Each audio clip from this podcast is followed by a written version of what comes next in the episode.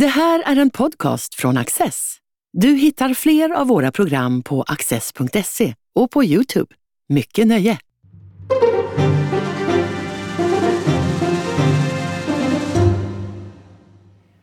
Välkomna till Studio Access. Min gäst idag heter Daniel Schatz är med mig på länk från Berlin. Eh, men till vardags är du visiting scholar vid Georgetown universitetet i eh, Washington DC. Du är statsvetare, expert på Mellanöstern. Eh, tack för att du tar dig tid att vara med i programmet. Själv. Skälet till att vi sitter här är, är det förfärliga massmord som ägde rum för tio dagar sedan i södra Israel när medlemmar av terrororganisationen Hamas dels besköt Israel med raketer, dels tog sig över gränsen och mördade folk i eh, unik skala. Eh, det senaste jag har sett är att man talar om över 1400 döda efter det här terrordådet. Det här begicks alltså av Hamas. Varför gör en organisation så här? Vad anser de sig ha att vinna på detta? Alltså precis som du nämnde så saknar ju det här terrordådet motstycke i Israels historia. Det är den blodigaste dagen sedan Israels grundande 1948. Och vi har i princip inte sett något liknande sedan Jom Kippur-kriget på 1970-talet. Och det här är ju en händelse som kommer att förändra det israeliska samhället i grunden. Och operationen har ju utförts av Hamas för att skrämma eh, den israeliska civilbefolkningen. Eh, men jag tror också att attackerna måste ses i en lite bredare regionalpolitisk kontext. Eh, det pågår ju sedan en lång tid tillbaka ett proxykrig i Mellanöstern mellan Saudiarabien och Iran, alltså som är de två regionala supermakterna i regionen. Och den här konflikten började ju redan eh, efter den islamiska revolutionen 1979 och den hade sin grund i Eh, att det iranska shia-muslimska styret ville sprida eh, den islamiska revolutionen till andra länder i regionen. Och den här konflikten skärptes ju eh, efter USAs invasion av Irak 2003 och efter inbördeskriget i Syrien 2011 som gav Iran möjligheter att expandera sitt regionala inflytande. Och den här utvecklingen ses ju självklart som ett hot av Saudiarabien eh, som själv ser sig som en ledare i den muslimska världen. Och vi får inte heller glömma att islams två heligaste platser finns i Saudiarabien. Mecka, där profeten Muhammed föddes, och Medina, där hans grav finns. Eh, men trots att Iran och Saudiarabien är ärkefiender så har man ju inte utkämpat någon direkt konflikt mot varandra, utan vi ser istället hur den här konflikten utspelas i andra länder i Mellanöstern. Vi har sett exempel på det här proxykriget i Jemen, i Syrien i Irak och självklart i den israelisk-palestinska konflikten. Men då säger Iran... det, ursäkta, men jag, då frågar man ju sig liksom, på vilket sätt är ett angrepp mot Israel ett slag mot Saudiarabien? Alltså, vi har ju sett eh, de senaste månaderna hur Israel och Saudiarabien har varit involverade i en intim dialog eh, för att eventuellt eh, uppnå ett fredsfördrag. Eh, och samtidigt så ser vi ju hur Iran då understödjer Hamas eh, på de palestinska områdena och Hizbollah i södra Libanon. Och båda de här organisationerna agerar ju i enlighet med Irans intressen i utbyte mot vapen och eh, politiskt liksom ekonomiskt stöd. Och Iran är ju självklart Israels ärkefiende. Man, man brukar benämna USA som den stora satan och Israel som den lilla satan. Och Iran har ju ett uttalat mål sedan revolutionen 79 att förgöra staten Israel. Eh, och det finns ju en direkt koppling här skulle jag säga till terrordåden. Alltså både Iran, Hamas och Hizbollah vill ju störa fredsförhandlingarna som pågår mellan Israel och Saudiarabien eftersom de riskerar att marginalisera deras inflytande i Mellanöstern. Eh, från palestiniernas sida eh, så är ju ett sånt här fredsfördrag också Eh, väldigt farligt eftersom de med, eh, genom ett sånt här fredsfördrag skulle mista ett av sina starkaste förhandlingskort med Israel, nämligen att Israel bara kan få fred med arabvärlden efter att en palestinsk stat grundas. Vad är, det för, vad, är det för, vad är det som gör att just Iran har blivit eh, det land som är mest besatt av att eh, få bort Israel från kartan? Jag tror att det finns många faktorer här. Det har ju delvis att göra med eh, eh den iranska regimens ideologi. Alltså man har ju sedan 1979 eh, velat förgöra Israel som, som självständig stat. Eh, det har ju också att göra med att Israel eh, har varit intimt sammankopplat med USA och då har Iran utmålat USA och Israel som sina två huvudfiender. Men istället för att utkämpa ett direkt krig då med Israel så, så agerar man genom proxygrupper som Hamas och Hizbollah. Och eh, man har ju redan lyckats med sitt mål, eh, vill jag också säga, eftersom Saudiarabien i veckan sa ju att man ställer in alla fredsförhandlingar med Israel. Eh, och jag tror att i takt med att Israel trappar upp den här operationen så kommer det bli allt svårare för andra arabländer att upprätthålla relationer med Israel, eh, så, så som Förenade Arabemiraten och Bahrain som, som också ingick i ett fredsfördrag med Israel för tre år sedan. Så, så, så, utifrån de premisserna så har ju Hamas lyckats. Sen tror jag också att det finns inrikespolitiska förklaringar till Hamas handlande. Alltså, Gaza har ju sedan eh, 2007 styrts av Hamas medan Västbanken kontrolleras av den palestinska myndigheten där Mahmoud Abbas är president. Och fredsprocessen mellan Israel och, och den palestinska myndigheten har ju varit fastkörd under många år. Det finns ett extremt stort missnöje eh, bland den palestinska befolkningen mot den eh, palestinska myndigheten som ses som korrupt och extremt ineffektiv. Och jag tror att Hamas just med de här attackerna vill visa för den palestinska allmänheten att man kan tvinga Israel till kompromisser genom raketattacker och genom terrordåd. Och man vet ju i princip att man kommer förlora den militära konfrontationen med Israel. Men man väljer ändå att gå till angrepp för att vinna inrikespolitiska och utrikespolitiska fördelar. Är, kan du berätta lite mer, vad är Hamas för organisation från början och vad, hur kom den till och, och, hur lyckades den ta makten i Gaza? Alltså Hamas är ju en organisation som, som är terrorklassad av både USA och EU. Organisationen grundades 1988 Eh, i samband med utbrottet av, av det första palestinska upproret, eller den första intifadan. Eh, och organisationen grundades av fraktioner inom det muslimska brödraskapet som idag är eh, en av de mest inflytelserika islamistiska rörelserna i världen. Eh, samma år så antog ju Hamas sina stadgar där det står att målet för organisationen är att verka för Israels förstörelse och upprättandet av en islamistisk stat i vad man definierar som hela det historiska Palestina. Och de medel eh, man har använt sig av för att uppnå de här målsättningarna det är främst terrorattacker mot civila. Men det ska också sägas att Hamas har investerat väldigt mycket i social verksamhet eh, på de palestinska områdena, alltså såsom byggandet av skolor, moskéer, soppkök. Och på detta sättet så har man skapat sig en stark eh, social och politisk bas i samhället. Men rent politiskt så var ju Hamas relativt marginaliserad i den palestinska inrikespolitiken som traditionellt har dominerats av PLO och den största fraktionen inom PLO, al-Fatah, som, som, som då Arafat tillhör och även Mahmoud Abbas. Och jag tror att Hamas framgång kan ju förklaras delvis med att den palestinska myndigheten hade och fortfarande idag har ett endemiskt problem med korruption. Och Hamas lyckades på något sätt profilera sig som en kraft som utmanar korruptionen.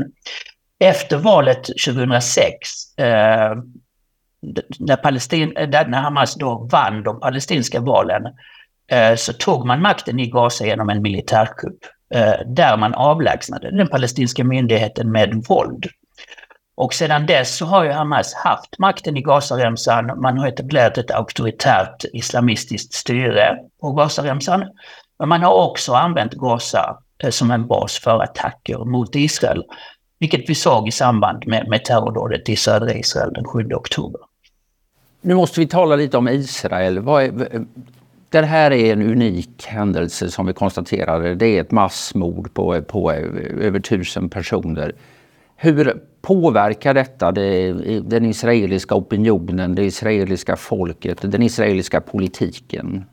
Nej, det här är ju en monumental händelse i Israels historia. För det första så är det ett underrättelsefiasko eh, av, av historiska mått. Det pågår en väldigt intensiv debatt i Israel idag om hur det kan komma sig att de israeliska, eh, det israeliska underrättelseväsendet inte kunde förutspå den här attacken. Um, så att det kommer ju säkerligen få politiska konsekvenser och jag är själv inte säker på att Netanyahu kommer överleva som politisk ledare efter att den här operationen är klar och man börjar diskutera varför det gick som det gick. Eh, när det gäller det israeliska samhället så tror jag också eh, att det här dådet eh, kommer få långtgående konsekvenser. Vi har ju sett väldigt stora protester i Israel under det senaste året eh, mot den sittande regeringens förändringar i landets rättssystem.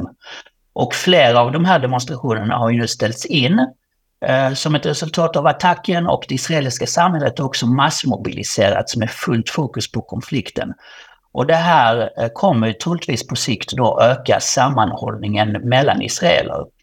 Eh, och rent politiskt så har ju Netanyahu också sträckt ut en hand till oppositionen. Man har bildat en nationell samlingsregering med delar av oppositionen. Och en sån här utveckling kan naturligtvis vara politiskt fördelaktig för Netanyahu kortsiktigt. Det, Israel har inlett eh, bombningar utav norra Gazaremsan. Man har uppmanat befolkningen att flyt, eh, söka sig söderut och det spekuleras nu väldigt om en markoffensiv ska inledas. Vi ska säga också att vi spelar in det här programmet eh, tisdag eftermiddag den 17 oktober. Så det, vad vi talar om är vad vi vet eh, just nu. Um, trycket på Netanyahu att, gå in på, med markoffensiv är väl eh, oerhört stort. Men hur ska de komma ut igen? En väldigt, väldigt bra fråga eh, som jag inte tror att många personer, inte ens israelerna själva, har svar på. Eh, israelerna mobiliserar ju just nu för en markoperation eh, med målet då att slå ut Hamas. Och precis som du är inne på så är ju det här en mycket riskabel operation eh, eftersom Hamas gömmer både terrorister och vapen bland civilbefolkningen. Och det här kommer ju med största sannolikhet leda till ett extremt stort mänskligt lidande för civilbefolkningen när Israel då går in med marktrupper. Eh, den israeliska försvarsmakten har ju också, som du var inne på, uppmanat civilbefolkningen i norra Gaza att förflytta sig till de södra delarna av Gaza. Och det är fortfarande oklart skulle jag säga om Israels syfte med operationen är att skapa en säkerhetszon i norra Gaza eller om man bara vill gå in eh, för att slå mot Hamas mål och sen ta sig ut från Gaza. Men jag tror att Israels huvudproblem med operationen kommer om man lyckas med sitt mål att slå ut Hamas. Eh, Israel har ju inget intresse av att ockupera Gazaremsan. Man har gjort det och man vill inte göra det igen. Och jag har svårt att tänka mig att den palestinska myndigheten skulle ta på sig ett sådant ansvar. Det skulle ju ses eh, som ett samarbete med fienden av den palestinska lokalbefolkningen. Och då återstår en eventuell internationell fredsstyrka, men det är ju extremt oklart eh, hur en sån styrka skulle se ut. Så att jag tror att även om Israel lyckas eh, med sin målsättning att slå sönder Hamas, då återstår extremt svåra utmaningar som ingen egentligen har någon lösning på idag. Och det här tror jag utgör eh, den aktuella konfliktens grundproblem. Ytterligare en faktor är ju här att utöver mördandet då för tio dagar sedan så tog man ju runt 200 personer som eh, gisslan. Eh, tog med sig dem och kidnappade dem till eh, Gaza. Vad spelar, hur stark är den kraften? Tidigare har det gjorts fångutbyten men när några enstaka israeler har bytts ut mot tusentals, eller, eller tusen i alla fall, eh, palestinier.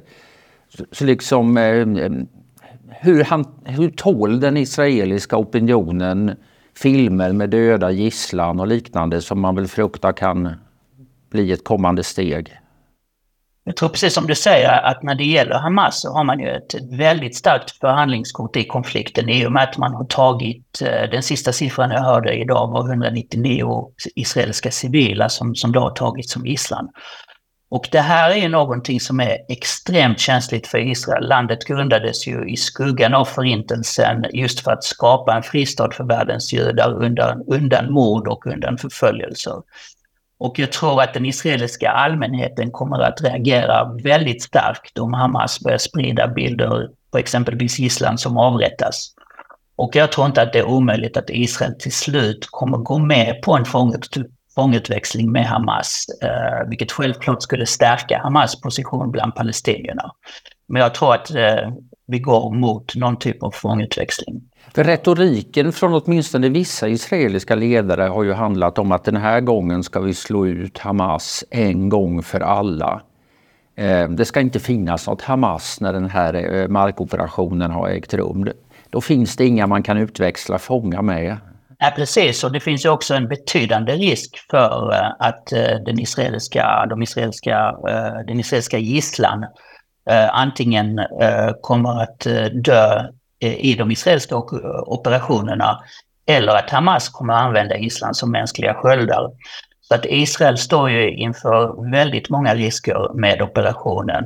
Och om något sånt skulle hända så tror jag också att den israeliska inrikespolitiska opinionen Eh, snabbt kan vändas mot regeringens handlande. Så att eh, både regeringen och den israeliska försvarsmakten har ett otroligt dilemma eh, när man går in med marktrupper eftersom man har sagt att det är bara en fråga om tid nu regimerna i ett antal grannländer till Israel, Egypten, Jordanien eh, eh, framför allt, har ju liksom på något sätt eh, accepterat Israels existens nu. Man har väl till och med haft ganska goda förbindelser på senare, eh, eh, senare år.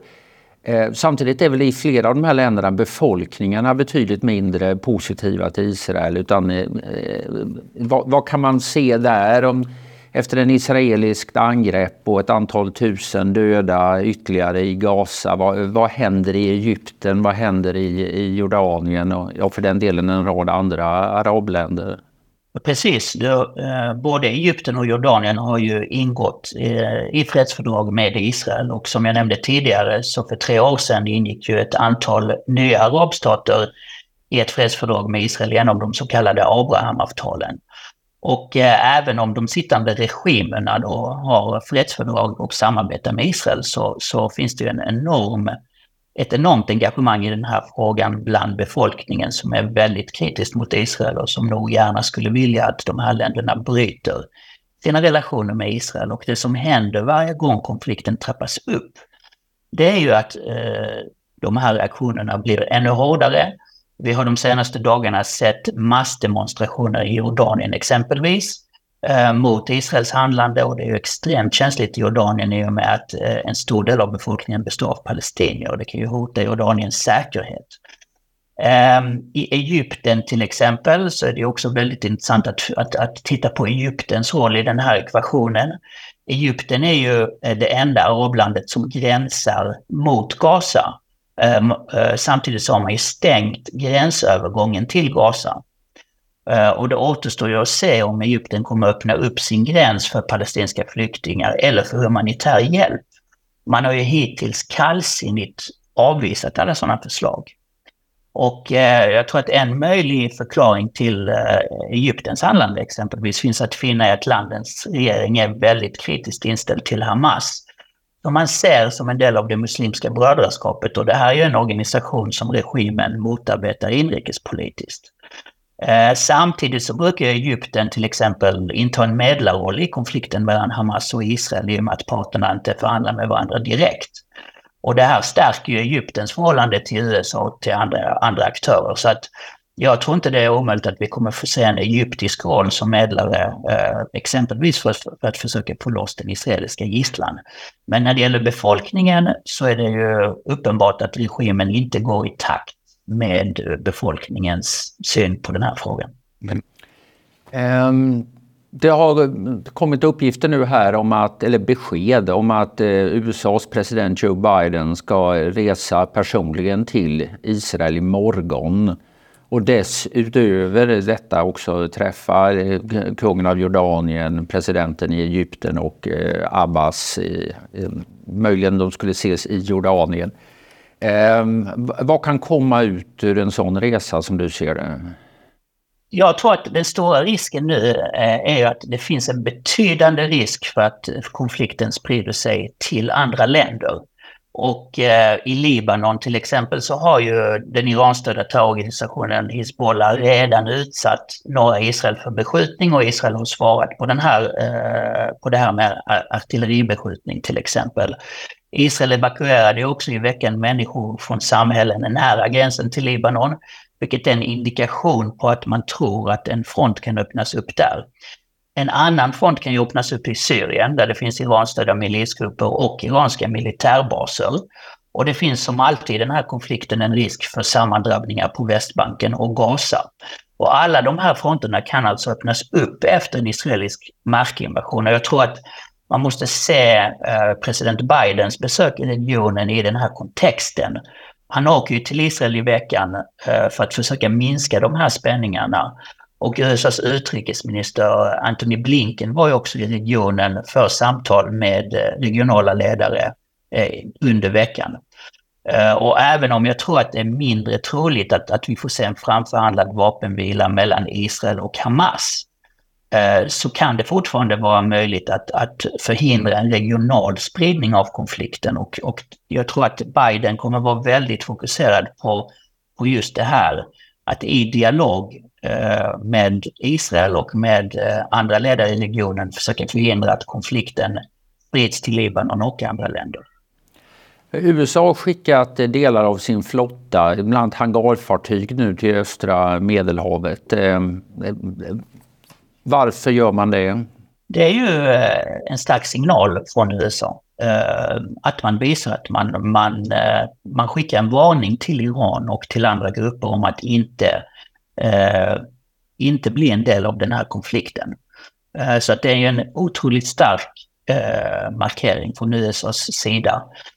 Förutom att man då har, har skickat sina skepp närmare Israel då läste jag så sent som idag att det kommer rapporter om att USA också kommer assistera Israel med personal, alltså inte stridande personal, men, men militär personal som kan hjälpa till Eh, med andra aspekter av, av eh, den situationen som har uppkommit. Så att eh, USA har ju tagit väldigt stark ställning för Israel och jag tror att man också med genom de här handlingarna försöker avskräcka främst Iran men också andra aktörer från att försöka utnyttja den här situationen och ge sig in i konflikten.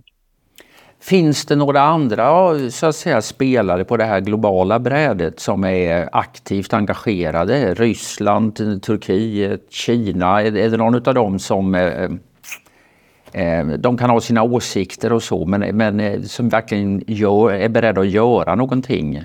Det återstår att se. Alltså Hamas, eh, en stor del av Hamas ledarskap befinner sig faktiskt inte i Gaza utan de befinner sig i, i Gulfstaten Qatar för närvarande. Eh, som också har ett väldigt nära förhållande med Hamas och också eh, har bidragit till, eh, till att finansiera en del av deras aktiviteter.